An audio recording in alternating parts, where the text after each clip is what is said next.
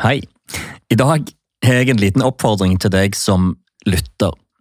En gang etter du har lytta på dagens podkast, så vil jeg at du skal gå bort til et fullstørrelse fotballmål. Og så tenker du at dagens gjest praktisk talt har hoppa over tverrliggeren uten hjelpemidler, på rein og skjær spenst, styrke og teknikk. For Steinar Hoen, som er dagens gjest, han har hoppa 2,36 i høyde. Og fotballmålet det er 2,44 på toppen av tverrleggeren. Det setter prestasjonen i et perspektiv som eh, rett og slett gjør det umulig ikke å bli imponert. Denne prestasjonen fikk eh, Steinar Hoen til å bli europamester og til å være en av verdens beste høydehoppere hele sin seniorkarriere. Han er også lykkes ekstremt i næringslivet etter karrieren, både i finansbransjen og som en svært innovativ og framoverlent sjef for Bislett Games. Jeg er nysgjerrig på om det er samme mentaliteten som har sørga for at han lykkes på og utenfor høydematta. Og jeg er nysgjerrig på hvorfor det akkurat er han som har fått til det han har gjort. Jeg eh, tror vi tar sats. Det er tid for dagens gjest.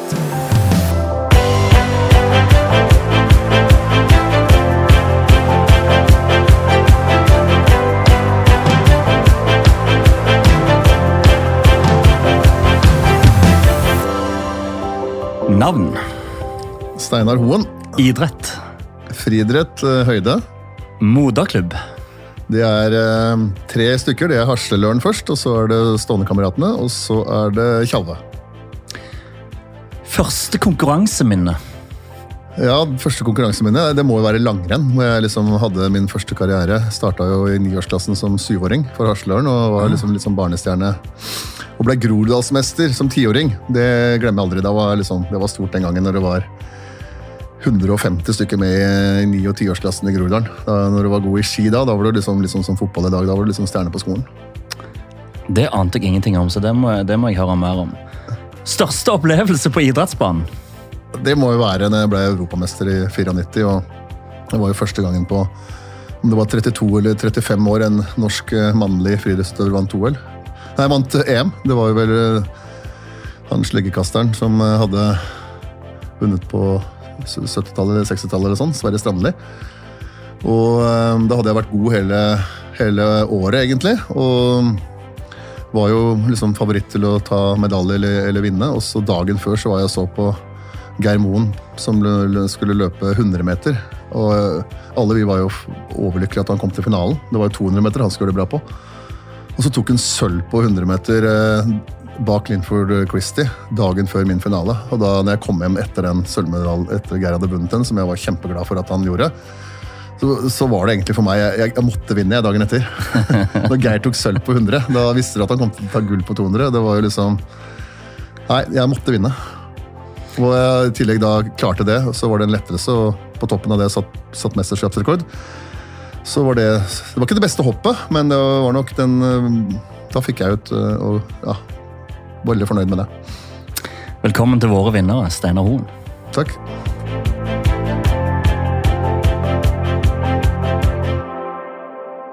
Så gøy, Steinar Hoen. Det var, det var da. Hvordan er det med deg nå? Ja, nå, Når det gjelder eh, idrett, så er det vel eh, ikke så mye sånn eh, konkurranseidrett, men jeg, jeg trener hver dag, så jeg er god form. Så i dag skal jeg løpe bakkeløp oppe på Sankthanshaugen, i går trente jeg vekter, og på mandag løper jeg en time sånn 5.30-fart, så jeg er i ganske god form nå. Oi, Du trener mer eller mindre hver dag, eller? Ja, jeg har gjort det de siste syv-åtte årene. Jeg hadde en periode etter jeg ga meg hvor jeg eh, trente sånn par ganger i uka. Og par ganger i uka for meg, som kommer fra å trene to ganger om dagen, det blei liksom så lite at det, det kunne liksom bli én, og én kunne liksom blitt null. da. Så da valgte jeg å spille mye basket og fotball på sånn bedriftslag. Så at jeg hadde liksom et sted jeg måtte dra. da. Og det gjorde jeg en god del år. Men jeg fikk etter hvert en god del skader. Det å spille bedriftsfotball inne på parkettgulv det var ikke helt bra for mine ankler og rygg. og sånn. Så var samme med basket. Pluss at treningstimene vi fikk tildelt, var liksom sånn halv elleve til halv tolv på kvelden på en tirsdag. Og når du kommer hjem da, ferdig dusja hjemme klokka ett, så får du ikke sove før klokka fire. og skal, Den gangen så var jeg jobbet jeg som aksjemegler og skulle opp klokka seks. Og det gikk ikke. Men det når, når du trener hver dag i, i, din livssituasjon, går den motivasjonen av seg sjøl, eller er det vanskelig å på en måte opprettholde den kontinuiteten? Jeg har sagt til alle at det er mye lettere å trene hver dag enn tre ganger i uka. for Da trener du hver dag, så er det noe du skal gjøre hver dag. Det er helt naturlig for meg. Sånn som jeg dro hit i dag, så hadde jeg pakka bagen og skal gjøre det etterpå. Det blir en rutine. Eh, og så er det sånn at Når man teller opp, så ble du ikke hver dag når uka er ferdig, for det var kanskje en dag man ikke fikk muligheten. Mm. Og det er jo helt greit. Men intensjonen var jo der. Og så kan det hende at eh, helgene går vekk på en langtur i skogen eller en skitur eller alpint eller sånn. og det, Da er jo det trening. Så det er ikke sånn at jeg må gjøre noen spesifikke ting. Hadde det vært sånn at i dag var det noen andre som ba meg være med på noe annet, så hadde jeg gjort noe annet. Men nå er det tilfeldig at jeg sånn, skal møte to stykker på bakkeløp. Hadde de to sagt 'bli med og gjøre noe annet', så hadde jeg gjort noe annet. Det var ikke noen plan, bare gjøre noe hver dag. Hm. Du er Bislett Games-general. Hva gjør en Bislett Games-general i oktober? jeg kan i hvert fall starte med å si at en Bislett Games-general gjør veldig mye mer enn det folk tror han gjør. Eh, jeg er jo i tillegg eh, daglig leder for Bislett Stadion. Ja. Og Bislett-alliansen de gjør veldig mye annet enn å arrangere Bislett Games. Ja. Så uh, Det vi egentlig driver med i Bislett-alliansen, er å drifte Bislett Stadion på vegne av Oslo kommune. Holde den åpen hver dag. Leie ut lokaler på vegne av Oslo kommune. Holde den i stand være kjentmann for svære aktiviteter, eh, ta på oss oppdrag, leie ut vår, eh, vår kompetente arrangementsavdeling til f.eks.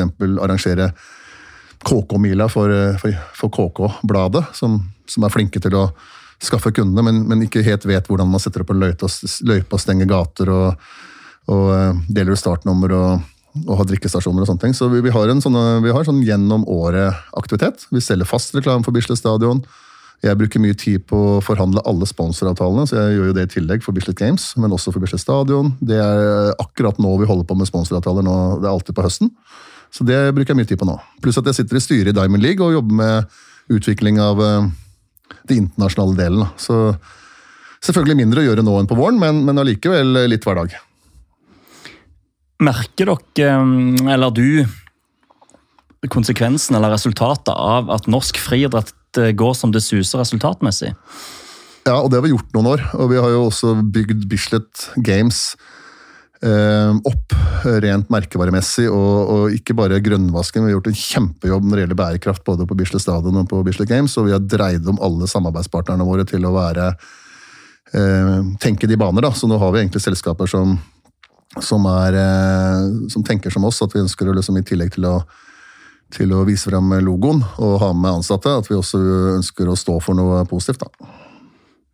Og Hva var det som gjorde at det skjedde? At Bislett ble eh, irrgrønt?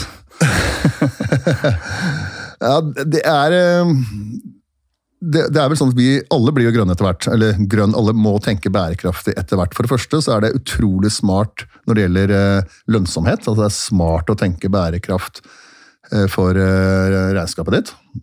Eh, og det andre var at vi hadde hatt ExxonMobil, altså verdens største oljeselskap, som vår partner i 29 år, og det har vært en fantastisk partner i denne perioden.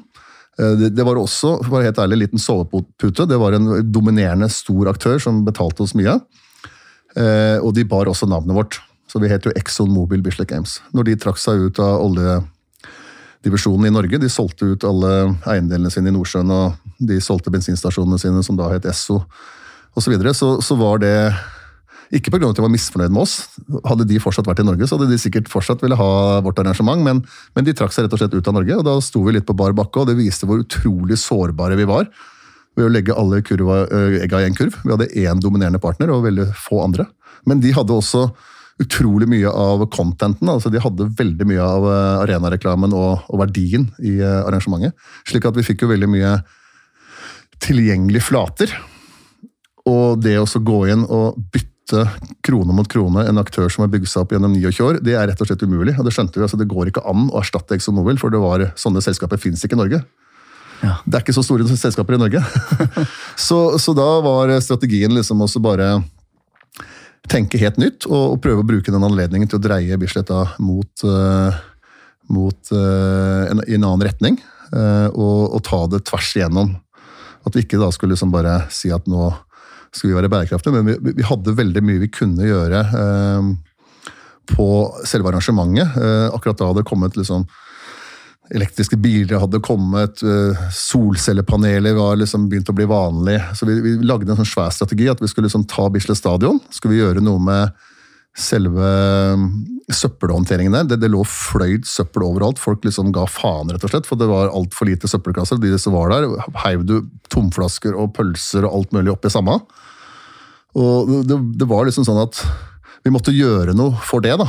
Eh, og det å da legge en strategi at Bislett stadion skulle liksom bli den mest bærekraftige stadion, så ville det også avhjelpe oss at folk som var der og brukte anleggere hele dagen, at de ville oppføre seg mer. Og det er litt sånn at Når du gir folk en mulighet til å gjøre ting riktig, så gjør de det. Så det å da omprofilere hele Bislett stadion med store uh, avfallskasser, hvor det står tydelig sånn, der er det papp, der er det plast, der er det sånn, det hjalp uh, oss og uh, kan du si verden samtidig. da. Og Når du sier den mest bærekraftige stadion, snakker du da i verden? Nei, vi snakker, vi snakker da altså Jeg veit ikke hva som er i verden, men vi snakker liksom i, i Norge. Da. Vi får all fjernvarmen vår får vi fra forbrenningsanlegget oppå, oppå opp Klemetsrud. Så liksom vi får det, det, det, lå der i, i, i bånn. Og så har vi det største solcelleanlegget, og det første på noen idrettsanlegg i Norge, som drifter egentlig gratis strøm da stort sett hele sommeren. Og også deler av vinteren når det er kaldt.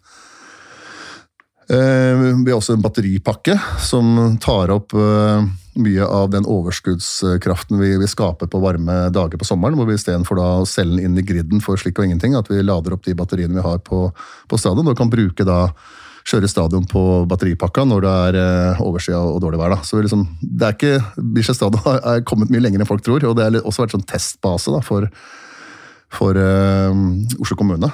Og det er jo et signalanlegg, så det vi har gjort på Bislett stadion nå, det skal nå settes videre til Holmenkollen, annet. Som er et annet uh, signalanlegg som også skal gå den veien. Og det, og det, er, det er, altså en, en, nedbetaling, tror jeg, eller som det ser ut nå, da, på de tallene vi har på selve solcelleanlegget, på rundt 10-11 år. Så da har det allerede gått tre år, så syv år til så har vi et, et anlegg som sannsynligvis har en levetid på 30 år. Som kan, eh, som kan gi oss gratis strøm. og Det er jo positivt. Hm. Og Så har vi dratt det inn i arrangementet ved at vi har prøvd å legge oss da tett på Stockholm, som gjør at vi får istedenfor én Når vi får inn alle utøverne, at utøverne våre reiser liksom først til Stockholm, og så ned til Shanghai, og så bort til Roma og så opp til Oslo. At vi liksom får alle utøverne til Skandinavia. Så de kommer til Oslo på torsdag og Stockholm på søndag. Da slipper vi jo liksom 300 tur-retur-billetter til Skandinavia, som da gir en direkte effekt på, på både vår kostnad uh, utøvernes uh, rei, utslitte reise altså Du blir slittet av å drive reise så mye, du får to stender samme sted. Og så tar vi uh, da enten elektrisk buss, tog har vi brukt over til Stockholm. Og, fra de kommer til eh, Gardermoen og lander i Oslo, så er det null. Da, da er det liksom flytoget ned til Tone Hotel Opera, så er det elektriske busser, elektriske biler alle dagene i forveien til treninger. Vi har til og med brukt trikk opp fra Tone Hotel til Bislett. Og, og det er et null. 0-0. Vi er til og med så nøye at vi passer på da hvilke eh, billadere vi bruker å lade bilene våre på, så vi er sikre på at de den strømmen som kommer fra de laderne, også er fra fornybar energi. Da. Så har vi alt dette som vi snakker om nå, det, det ratifiseres og sjekkes ut av DNV GL. Sånn at vi ikke bare sier noen ting, men at det er sjekket av en tredjepart. Da. Og da blir jo vi ganske sånn troverdige da, mot de store bedriftene. Definitivt. Det som slår meg nå, Steinar Hoen, det er at nå sitter du her i stolen som en framoverlent, offensiv næringslivsleder. Du sitter her som en europamester, som en tidligere toppidrettsutøver. Og det jeg lurer på, er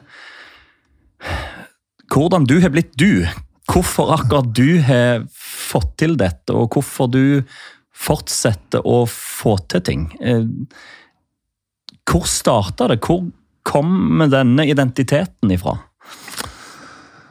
Tja, det er jo, må jo, noe må jo være medfødt, men, eh, men, eh, resten tror jeg kommer fra oppveksten. Vokste opp liksom på et normalt hjem med rekkehus på Refstad. Eh, Løren helt nederst i Groruddalen, like ved Økeren og Sinsen. Gikk på en vanlig skole og hadde vanlige venner, og det var, var liksom Selv om jeg drev med idrett, så gikk jeg aldri på noen sånn spesialskole eller noen idrettsskole. eller så gikk jeg på vanlig barneskole, vanlig ungdomsskole, vanlig gymnas. Måtte i militæret som alle andre. Og, og sånn. Og så har jeg vel alltid vært nysgjerrig, tror jeg. Liksom, selv i dag er jeg utrolig interessert i å lære nye ting. Så hjemme hos meg så er det ofte sånn at kjæresten min sitter nede og ser på en sånn serie, sånn, og så sitter jeg oppe og ser på en dokumentar eller historieprogram eller Ah. eller ja, Jeg elsker å lese portretter øh, over personer som får til sånn spesielle ting. Veldig sånn interessert i hva som gjør at Elon Musk liksom kan tenke så visjonært.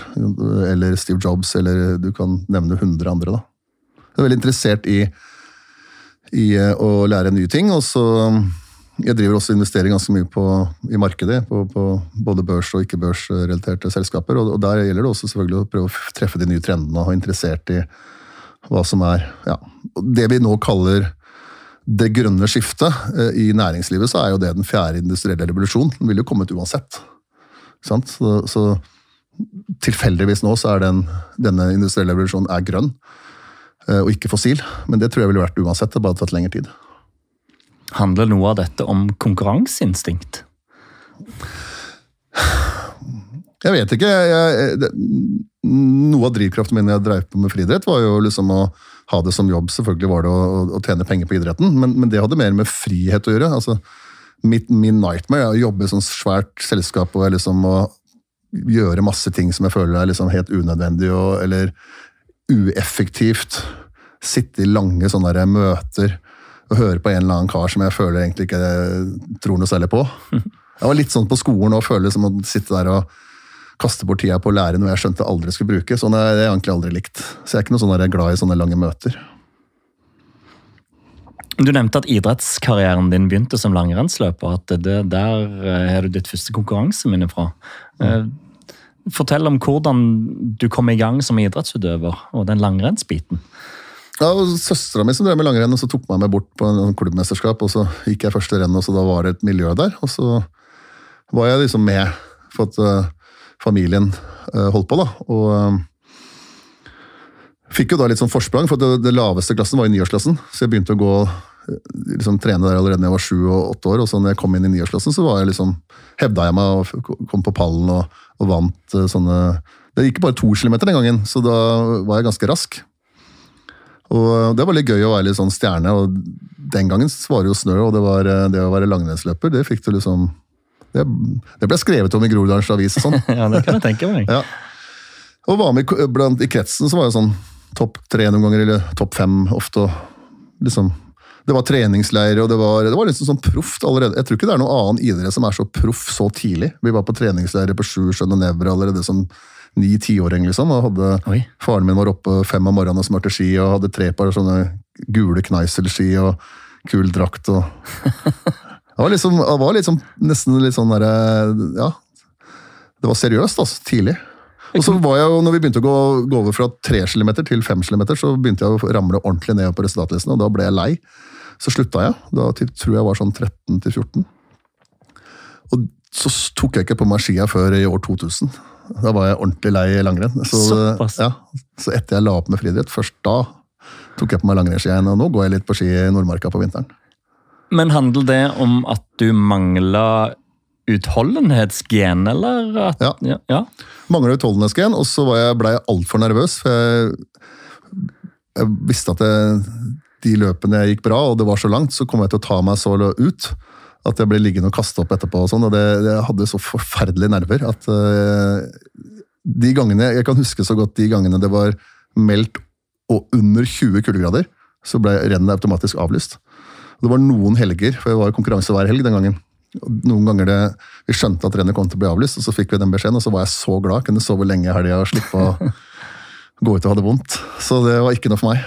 Og da kom du jo inn i friidretten, da, ikke sant? så jeg begynte å hoppe lengde. og og hvorfor kom jeg inn i friidretten? Jo, det var helt naturlig at på sommeren så drev skiløperen og løp terrengløp.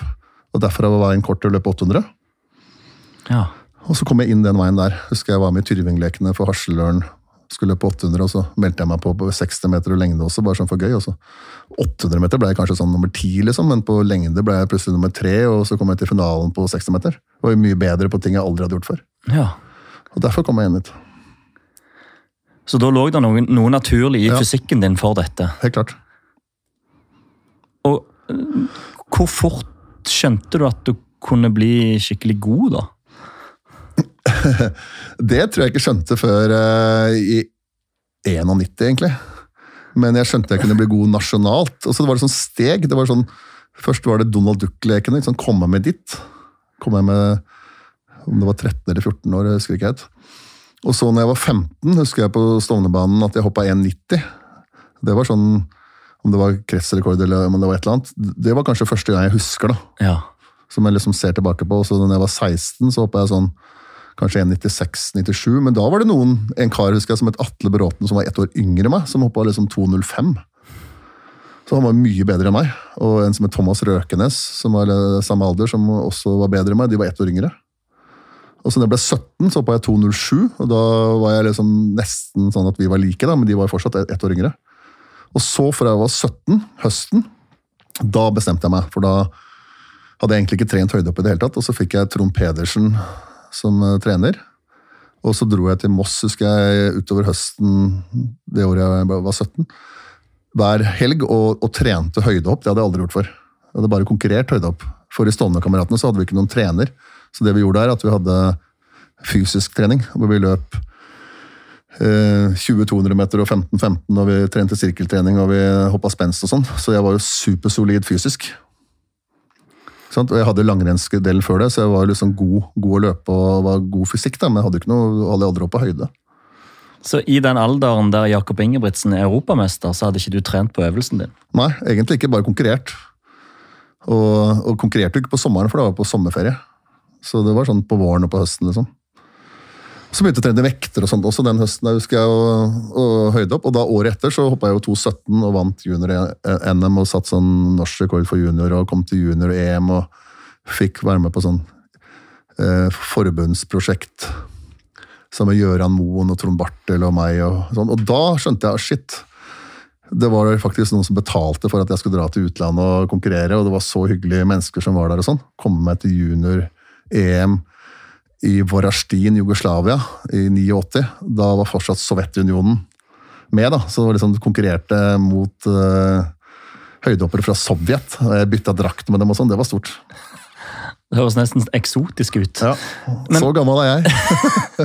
Men hvor eh, Blir du her på dette tidspunktet Blir du skikkelig seriøs og systematisk?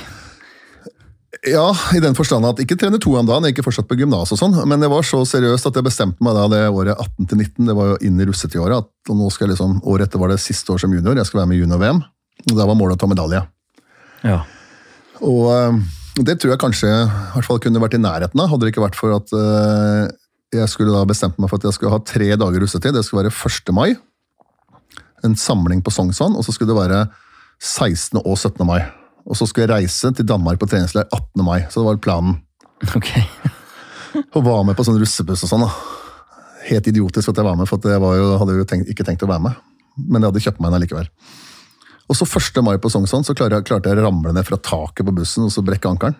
Eller nesten brekke ankelen. Og da ble det russetid for meg fra 1. mai og hver eneste dag til og med 17. mai. Eller forstua han kraftig, var det. Så jeg gikk på krykker i begynnelsen.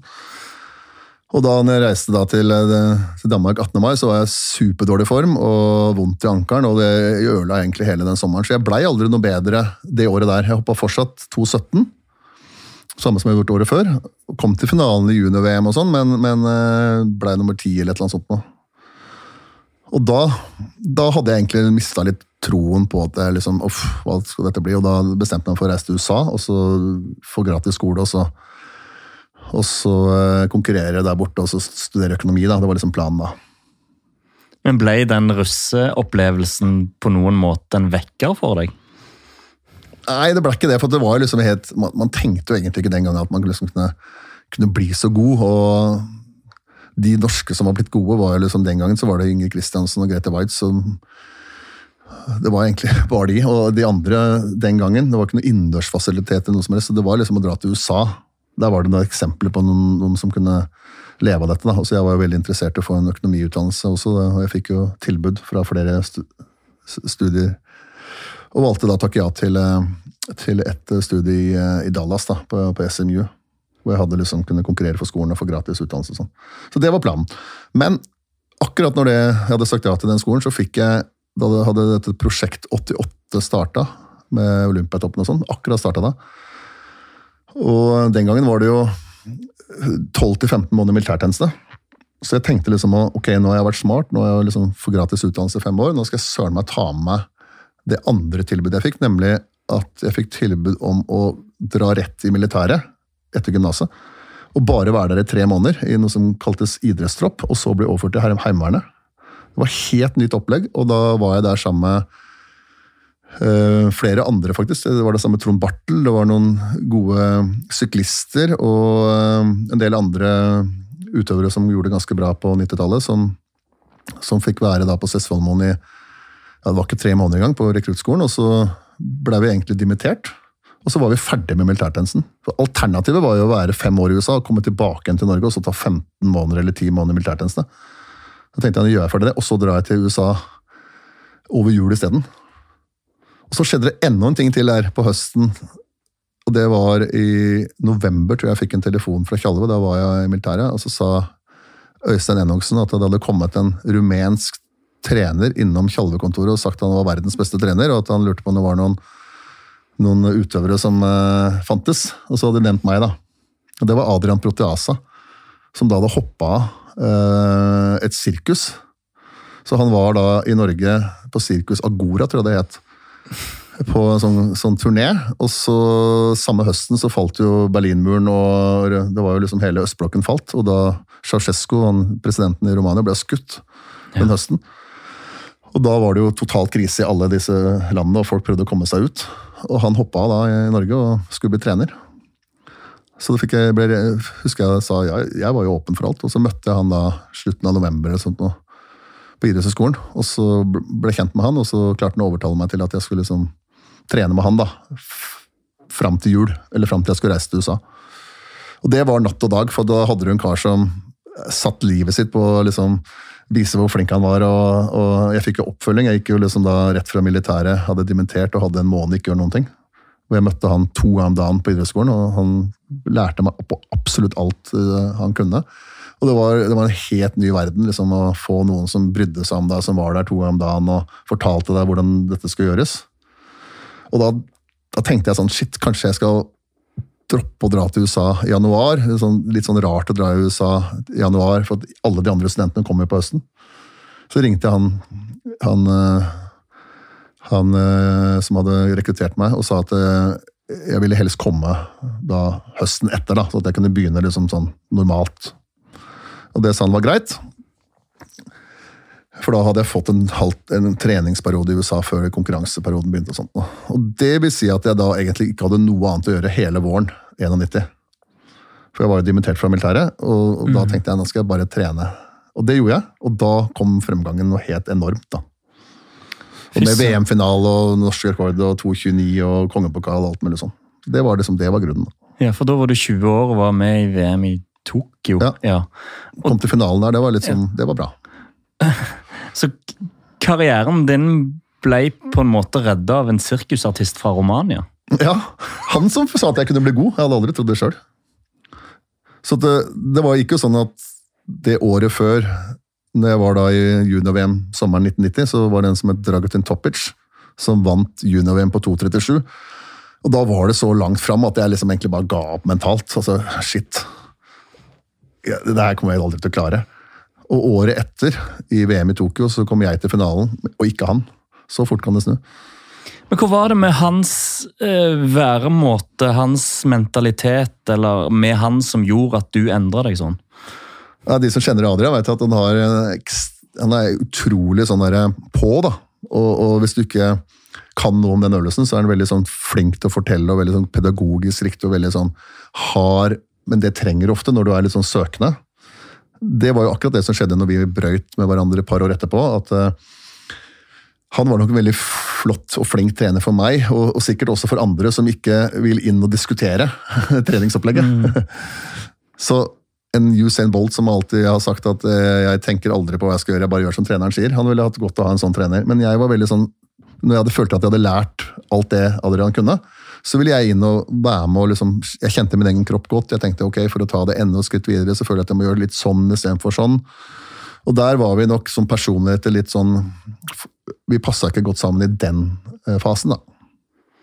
For jeg, jeg som veldig mange toppidrettsutøvere, så kan du jo ganske mye om din egen sport. Og jeg var hele tiden på søken etter å bli bedre, bedre, bedre.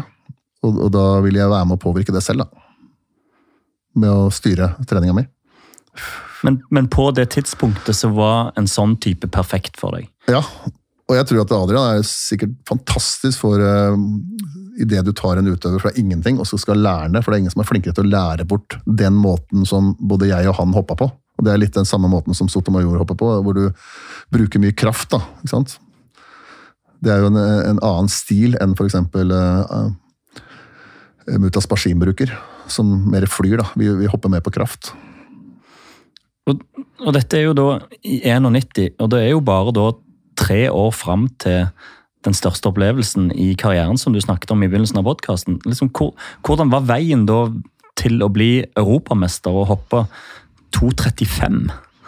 Ja, det første som skjer, er jo at når jeg den sommeren 91 hoppa 2,29, så hadde jeg liksom nest beste konkurransen var 2,27 hadde jeg to ganger. Og så var det konkurranser ned på 2,15 og 2,20, så jeg var ekstremt ustabil. Så da måtte jeg bruke noen år til å liksom etablere meg på det nivået. da. 92 så hadde jeg jo veldig sånne ambisjoner om å ta medalje i OL, og sånn, og hoppa jævlig bra sånn i mai. 2,30 liksom i mai, og veldig bra på trening og sånn. Men da, da missa jeg nok på det elementære, det at eh, en høydehopper må også trene fysisk gjennom sesongen. Så, så, jeg var nok litt sånn at jeg trente veldig bra gjennom høsten, vinteren og våren, og så kom jeg inn i konkurransesesongen, og så skulle jeg liksom konkurrere, og så mista jeg noe av den derre bunn, bunntreninga. Da. Den derre basen som, som, jeg med min kropp må ha. Tung vintertrening litt gjennom sommeren òg. Og det lærte jeg, liksom, brukte jeg egentlig et par år på å lære eh, hvordan, hva som passa for meg. Og det er veldig interessant nå når jeg hører liksom, Gjert Ingebrigtsen etter konkurransen med, med Philip og Jakob liksom er ute og trener etter konkurransen. For å ikke liksom misse den der basen. Akkurat det samme gjorde jeg. da, for at eh, når jeg konkurrerte, så var jo det å tømme kroppen. ikke sant, Du tømmer kroppen for, for energi og, og nervesystemet. Men hvis det er, du har en lang sesong med mange konkurranser, og det er egentlig VM eller OL du skal være i form i, så må du trene gjennom sesongen. Det vil si at Du må lade opp til det stevnet du skal være med. Du har fått betalt for å komme, og du vil gjerne gjøre det bra. Men så er det jo da en kveld etterpå, og så er det en reisedag. Du mister liksom tid, og så skal du hjem. Så jeg pleide også da etter konkurransen så gå ut og løpe kanskje 10-200 meter og kjøre 10 ganger 10 dype spensthopp i motbakke. Rett etter konkurransen. Sånn at jeg fulgte på med trening i beina for da jeg kom til å miste litt tid dagen etter på flyreisen hjem. Og det var én dag her, én dag der. gjør at du, du tømmer deg, da. Så det lærte jeg gjennom 92-93, og da 94 så hadde jeg liksom plutselig den fysikken, sånn at jeg kunne være god fra januar til september. da, Og hver eneste stevne nesten. Hvordan vil du beskrive mentaliteten på dette tidspunktet? Det er en ganske annen Steinar her enn han som datt ned fra taket på russebussen. ja, og må jeg si at jeg var og så den der filmen til Aksel her om dagen. Og han sier det utrolig godt. Han sier liksom, Når du, du tenker på Aksel sin skikarriere som Aksel, men tenk hvor mange bak han som har stått på for at han skal bli god. Som smørere, som servicefolk, som trenere. Og de gjør alt de kan. da, De er jo superseriøse. De går og legger seg tidlig og støtter opp og sånn. Og jeg hadde litt det samme da, med den gangen Dan, som var med meg hele tiden. og var på trening til alle døgnets tider og la til rette. og sånn, og Han la livet sitt liksom i i potten. Og skulle faen meg bare mangle da at jeg ikke respekterte det og var seriøs selv. Det ville jo vært liksom ganske disrespektfullt hvis han legger ned alt, og alle andre også, og så, og så kommer jeg slentrende og gidder ikke å gjøre jobben. Jeg tror du ser litt den der styrken som Leif Olav. Han dedikerer hele livet sitt til, til Karsten. og det er jo litt sånn disrespektfullt hvis Karsten da skal liksom havne på fylla i helga når Leif Olav legger ned hele livet sitt. altså Det skulle bare mangle. Og Der var vi nok veldig like. da. Og dette skjønte du da? Ja. Det er ikke bare noe du ser tilbake på nå og tenker nei. at eh, nei. Men jeg hadde behov for å være litt meg sjøl eh, også, da. Så jeg hadde jo sånn sesongpause hvor jeg tok tre uker helt fri etter uh, utendørssesongen. Og møtte gamle kamerater, og da, da, kunne jeg liksom feste hver eneste dag. Jeg måtte bare feste meg så at jeg ikke orka å feste mer. og så uh, Og så hadde jeg også sånn at uh, utover høsten så kunne jeg være med på noen ting sånn, sånn av og til. Men fra og med nyttårsaften og fram til enten OL, VM eller EM, så var det null. Altså, uansett om det var svære ting eller bryllup eller noen kamerater som hadde bursdag, så da var jeg alltid liksom Da var jeg idrettsmann. Så da tok jeg liksom Det var ingenting, da. Hm. Og så når jeg var ferdig med OL og VM, og sånn, så var det noen konkurranser på slutten der som ikke var så viktig, og du konkurrerte egentlig bare for å, for å få litt penger på kontoen, og da, da var det jo litt annerledes, da. Mm. Du trekker en del paralleller nå til både Ingebrigtsens og, og, og Warholm. Dette var jo en periode der eh, norsk friidrett hadde sin forrige gullalder, med, mm -hmm. med Geir Moen og Vemund Rodal og Trine Hattestad og, og den gjengen. Er, er det andre paralleller mellom de periodene? Altså den gullperioden nå og den dere var i da? Ja, jeg nevnte jo den altså Når Geir Moen vant sølv i EM, liksom. Altså, Geir og Geir var jo veldig gode venner. Bodde ofte på rom sammen rundt omkring, og sånn, men, men det er ikke noe tvil om at jeg følte at jeg var bedre enn Geir i min idrett. Og at det liksom, da, På en veldig veldig positiv måte mener, mener jeg at han, det at han gjorde det bra, ville jeg, da ville jeg gjøre det bra. Også Vebjørn ikke sant? han ville jo, når han sa at både jeg og han hadde gjort det bra, så ville, det, det er litt sånn der, Innad i laget har du lyst til å være god. Og Det, det, er, jo, det er en kjempepositivitet. da. Du, du, skjønner jo det at eh, det er litt sånn derre eh, mellom Team Vareholm og Team Ingebrigtsen, så er det sånn, på, på, en måte en sånn veldig positiv, liten intern konkurranse om hvem som er best. Og det er kjempebra. Ikke sant? Det er dødsbra. At, eh, at det er litt sånn Ok, du vant OL, liksom, men, men det gjør jeg òg. Nå er det sånn. OL og verdensrekord, så det er ganske sånn sjukt. Litt sånn var det, syns jeg, at det var litt sånn målet å være best på landslaget. da.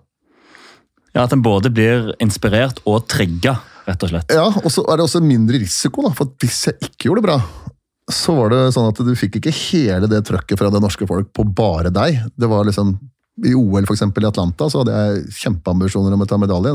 Jeg klarte ikke det, og hadde vært mye skada sånn i forkant. Jeg var egentlig ganske fornøyd med å bli nummer fem der. Og Det er ikke så lett å forklare til det norske folk, men jeg var faktisk, jeg hadde to lyskestreker på, på tidlig på sommeren. Og det at Vebjørn vant gull der, det liksom, da ble det en kjempesuksess. Og så tok Trine bronse, så da ble jo liksom laget Det var ingen som snakka om at jeg gjorde det dårlig. Hm. Så det var positivt, og, det, og, sånn er det nå. Du snakker om, eh, om femteplass i, i, i OL. Eh, du er jo europamester på 2,35, du er norsk rekord på, på 2,36. Men du ga det ganske tidlig. Uh, ja, jeg ga meg det. Jeg skjønte jeg ikke kunne opp høyere. Det, det, er, morsomt, det er liksom okay. interessant. Jeg, jeg, skjønte da etter hvert at jeg hadde egentlig dratt strikken så langt det gikk an. Jeg, jeg, tror jeg ikke hadde mer sånn fysisk uh, Varom snakker mye om dette, dette med for, forbedring. Da, altså at du blir en bedre idrettsutøver. Jeg tror fysisk at jeg hadde trent så hardt og gjort så mye riktig at jeg hadde ikke noe særlig mer å gå på. Det sagt så mener jeg selv at jeg burde hatt personrekord vesentlig høyere enn 2,36. så det, det, kan jeg dokumentere også, for at jeg hoppa 2,36 tre ganger. 2,35 tre ganger, og jeg har 65 konkurranser over 2,30. Ja. Og jeg har flere videoer av de, spesielt det hoppet på 2,35 på Bislett fra 94, eh, hvor du ser liksom alle mulige vinkler. Du har en veldig god kameraproduksjon. At det hoppet var minimum 2,38, kanskje 2,39. da. Og jeg var også utrolig nære på den høyden her flere ganger. Så jeg fikk aldri den ene konkurransen liksom, som jeg fikk ut potensialet. Uh, men, når jeg kom da både 99-2000, så, så, var ikke det der lenger. da. Jeg kunne hoppe 2,30 og par og 30, men jeg kunne, jeg kunne aldri Jeg visste jeg ikke kom til å kunne klare 2,40. Det kunne jeg klart i, i 94, 95, 96 eller 97, men jeg kunne ikke lenger klare det i 99-2000. Og da mista jeg egentlig lysta. Men hadde jeg visst at alle de utøverne jeg konkurrerte med, inklusiv Sotomayor, skulle gi seg samtidig, og at nivået skulle falle fem centimeter, sånn som det gjorde, så hadde jeg holdt på noen år til. for når jeg ga meg, så var det liksom, da datt hele nivået. Og så var det mange år der du fikk medalje i OL på 2,30 og 2,32. Til og med 2,29, tror jeg. Helt sjukt, ja. ja, ja. Mens jeg hoppa jo liksom i VM hoppa jeg 2,35 og ble nummer fire og sånn. Så et par-tre år etterpå så ville du vunnet VM på 2,33.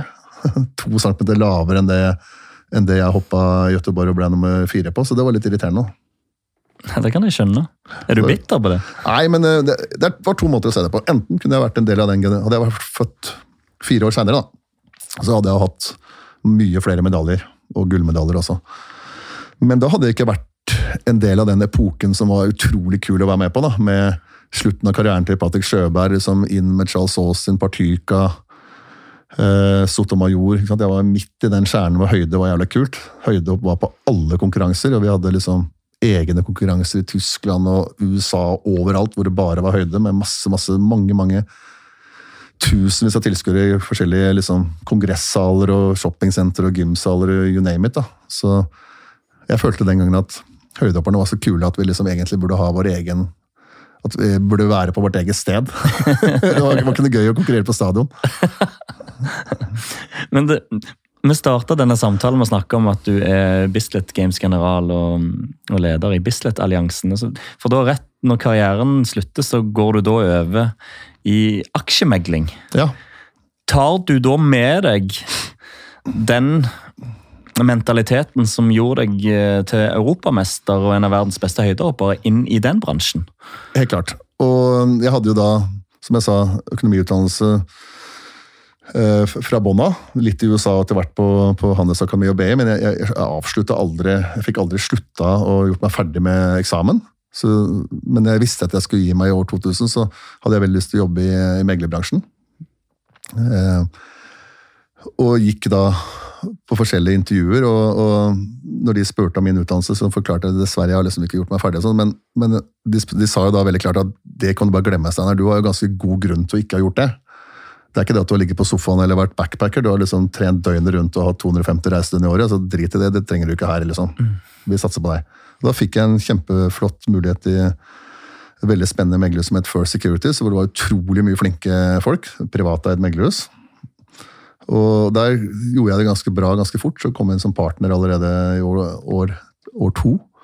Og var med der i de gullårene i meglerbransjen når det var høy kurtasje og god inntjening og sånn, før internett kom. da. Det var den gangen du måtte ringe inn til en aksjemegler og gjøre en handel og sånn. Ja.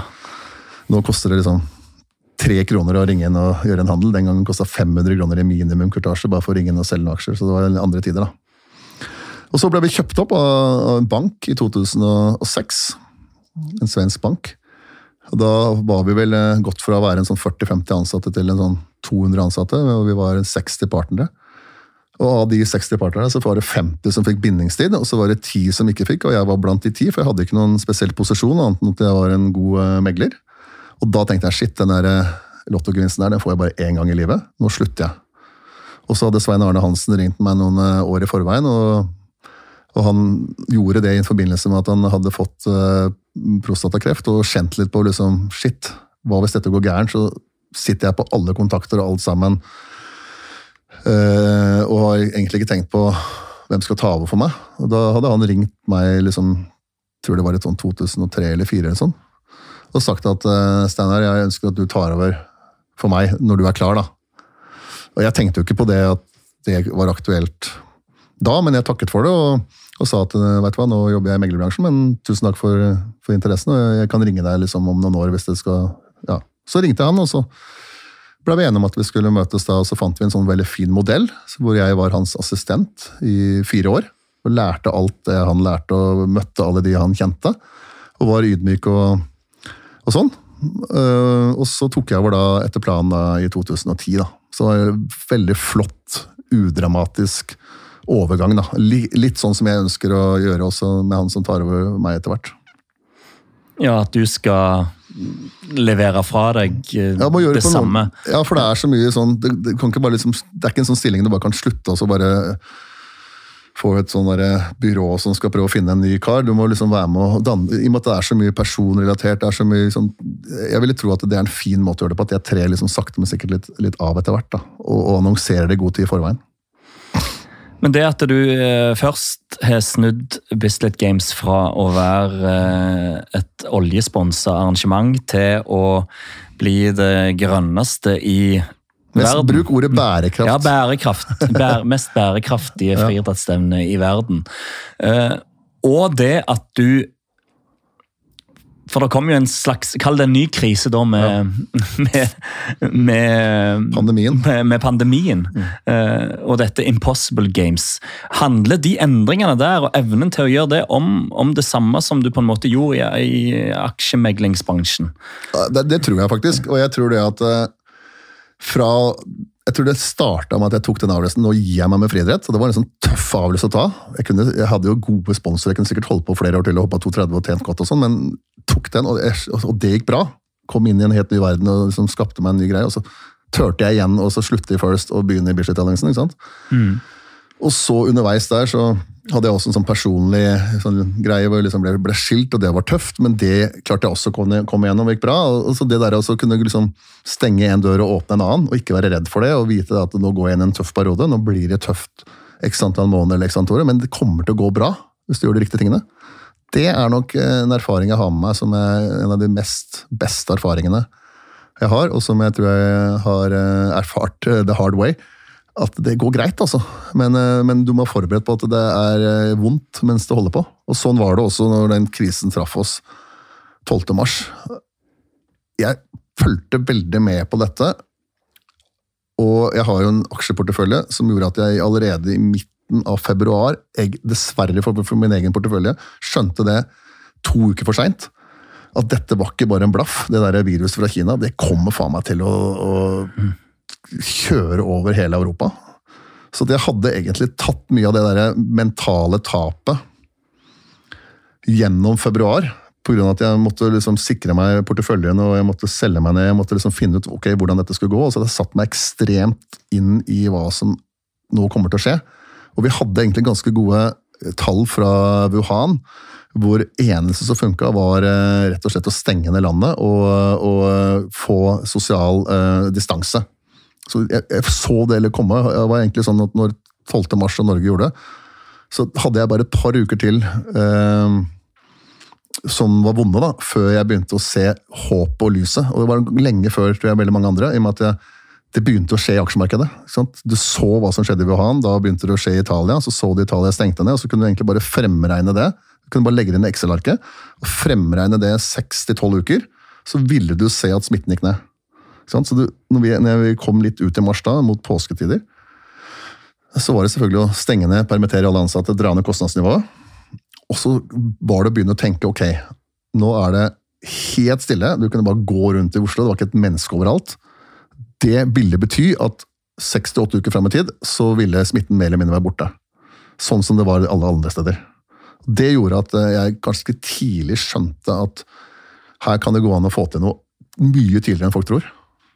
Og når vi skjønte det at det kommer garantert ikke til å bli publikum noe sted, så det å utsette Bislett Games fra juni til august eller september, det var egentlig det var ikke noe vits å gjøre, for det ble null publikum uansett, og det kom til å vare et år. Så det var mye kulere å være førstemann med en sånn sjukt stemme som liksom var et eller annet. For det som var på TV da, var hviterussisk hockey, færøysk fotball. Det var det eneste. Og så starta Bundesliga opp eh, for tomme tribuner. Der fikk jeg annet ideen om disse papplakatene. ikke sant? Uh, og så hadde vi da den gangen et eh, covid-reglement, uh, eller regler, som sa grupper av fem og to meter. Og det var, det var, regelen. Greit. Ok, friidrett. Kan vi lage et sånn arrangement med de utøverne vi har nå, på grupper av fem og to meter? Ja, det kan vi. Vi kan ha, vi kan ha to dommere og tre stavhoppere eller tre eh, dommer og to stavhoppere. Mm. Så kan de hoppe annenhver gang. og så, de skal ikke lande, Den gangen så var det helt vilt. du skulle ikke liksom, Det du landa på, kunne ikke den andre lande på, for du visste ikke om smitten var liksom luftbåren, eller om du kunne ta på ting, om du ta, tok på et rekkverk, om du kunne bli smitta. Så da var det ta madrassen, det der coveret som du bruker på når det regner, da, ta det av og på. Sånn, Én hopper og lander på sjukasen med regncoveret, og så tar du av regncoveret, og så hopper han andre og lander på det andre. Så ta den steg for steg. ikke sant? Så har du Karsten Warholm. Han kan løpe aleine. Sette verdensrekordet på 300 meter hekk. og så hadde, du Jeg tenkte egentlig på faktisk Ray Benjamin mot Karsten Warholm, hvor Ray Benjamin løp i USA. og Karsten Warholm løp eh, på Bislett på en split screen i en duell. da. Det var egentlig første tanken, mm. men det fikk jeg ikke til. Men vi gjorde akkurat det samme da med Team Ingebrigtsen og Chariot. hvor Team Chariot løp i Nairobi, eh, og Team Ingebrigtsen løp på Bislett. Og Der var det sånn at eh, man kunne løpe sammen når man var i samme husholdning. Ikke bare i samme familie, men hvis man kunne dokumentere at man liksom bodde sammen. Og det gjorde jo ikke bare Ingebrigtsen-familien, men også Gilly og Persuela. og sånn, så da, da hadde det plutselig et team hvor de kunne være for, for hverandre. Sakte, men sikkert så ble det liksom en times program. Og så klarte jeg å selge ned til NRK, som ikke da hadde noe annet på programmet. Det var liksom bare sånne gamle, gamle ting, og de syntes det var helt sjukt. Men eh, spennende. Og så endte vi med å være liksom den første sånn, aktøren utenom tysk fotball som satte i gang idrett igjen. Og Det gjorde at det arrangementet jeg hadde trodd skulle selges til svensk TV og finsk TV. Og Grunnen til det er at også i det covid-reglementet så var det åpning for de som bodde på finsk side av grensen og svensk side av grensen. For var, de skulle jo inn på jobb. Og da var det en regel som het at idet de kjører hjemmefra til jobb og tilbake uten å stoppe på veien, så var det en åpning for det. Så da hadde vi booka hotell i Strømstad som eh, vi skulle ha alle utøverne. Og så skulle de kjøres da i en buss med toalett og direkte inn på Bislett stadion. Gjøre sin jobb, på lik linje som en ingeniør som hadde bodd der og skulle inn til Halden og jobbe og tilbake igjen. Og så skulle de kjøre tilbake igjen. Og når jeg argumenterte med dette for smittevernmyndighetene og, og sa at eh, vi søker ikke om noen eh, fritak, vi har kun lest reglementet og lagd et arrangement mot det. Så skjønte de De lo jo av meg i begynnelsen, liksom, men når de begynte å lese, så at det, her kan vi jo, her kan, vi må jo si ja til dette, for det, dere bryter jo ingen regler. Dere, dere bare følger Og da fikk vi ja. Så ble det et eventyr. Jeg tror konklusjonen her, Steinar, er at når Når du bestemmer deg for noe, så kan du få til ting som er tilsynelatende impossible eller umulig. Altså Som å hoppe 2,36 i høyde, som for de fleste er helt umulig. Som å få til det første friidrettsstevnet i verden under pandemien. Mm. Eh, og det du gjorde som, som aksjemegler. Ligger det noe i det? Er, det? er det mentaliteten din litt oppsummert? Det er nok det. Og hvis du spør dem som kjenner meg nært, og sånn, vet du at når jeg går inn i den bobla der, da er jeg ikke så lett uh, tilsnakkende. Og jeg er veldig glad for at Bislett Games bare er én gang i året, og jeg er veldig glad for den pandemien er over. For også i år har det vært kjempevanskelig, og det har vært så mye usikkerhet. Men uh, styrken er vel da at jeg, jeg klarer liksom også, i denne usikkerheten, uh, gjøre de andre ansatte trygge på at det er en vei her, og la oss følge den. Alternativet er at vi bare hadde avlyst arrangementet. og Vi ville jo fått masse penger av myndighetene, viser det seg, ved å ikke gjort noen ting. Det, har vært mye, det var ikke noe gøy å ikke gjøre noen ting og få penger. Jeg hater å ta imot støtte. Så det er mye mer gøy å være den aktøren, som jeg er litt sånn stolt av å si nå. At eh, både gjennom 2020 og 2021 så har ikke vi søkt myndighetene om en krone støtte. Vi har klart det sjøl. Det er ikke mange idrettsarrangement som kan si. Og vi har liksom fått null publikum ene år og en tredjedel andre år. og og Likevel så har vi klart det sjøl, og, og, slipper å søke myndighetene om, om, støtte. Hvilket jeg ikke er noe særlig glad i å gjøre.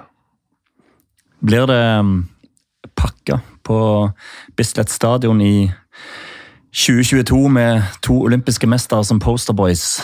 Ja, det, Hvis det ikke blir det da, så blir det aldri det. Så Neste år blir det fullsatt, og vi går jo ut med billettsalget nå. Og uh, har store for, forhåpninger om at vi kan få tidenes tidligst utsolgte Bislett. Det er målsetningen, så følg med. Eh, og datoen er da 16. juni eh, neste år. Torsdag 16. juni. Fantastisk flott, fin dato. Det blir spennende og garantert gøy. Det var uh, utrolig hyggelig å ha deg på besøk, Steinar Hoen, og veldig hyggelig å bli kjent med historien din uh, i detalj. Det er, en, det er, en, grunn til at du er blitt god. Tja, det er nok det, men det å Jeg elsker utfordringer, så at men det har vært, jeg synes det, det holder nå, altså, der, de to årene med pandemi. Det, det blir gøy også å arrangere et ordentlig Bislett Games igjen med, med, alle de tingene vi pleier å gjøre i dagene før og dagene etter. og, og sånn, så, så, vi får håpe at det, ikke, at det ikke skjer noe nå utover vinteren med noen muterte virus eller et eller annet som, som stopper opp igjen. Det ville vært, det ville vært surt. For, for, utøverne, ikke minst. Vi krysser fingrene. Mm. Tusen takk, Steinar Horn. Bare hyggelig.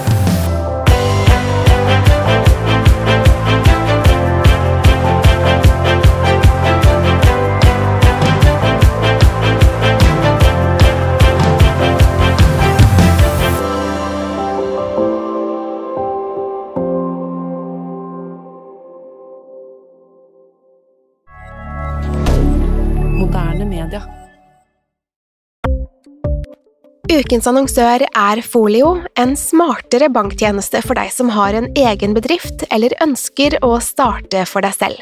Folio er en superenkel nettbank for bedrifter. Som kunde i Folio får du en bedriftskonto med et bedriftskort og app. I denne appen er det smarte løsninger som forenkler regnskapet ditt, uansett om du har en liten bedrift eller et enkeltpersonsforetak.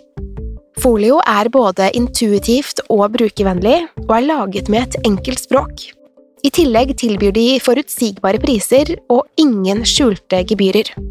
Skulle du likevel trenge det, så kan du snakke med deres raske og hyggelige kundeservice, og der får du prate med en faktisk person og ikke en chatbot. Folio er med andre ord både enklere og koseligere enn banken. Over 10 000 bedrifter har allerede valgt Folio som sin banktjeneste, så besøk folio.no og se hvordan Folio kan forenkle din hverdag også. Har du et enkeltpersonforetak eller en liten bedrift? Da er du sikkert lei av å høre meg snakke om hvor enkelt det er med kvitteringer og bilag i fiken, så vi eh, gir oss her, vi. Fordi vi liker enkelt. Fiken superenkelt regnskap.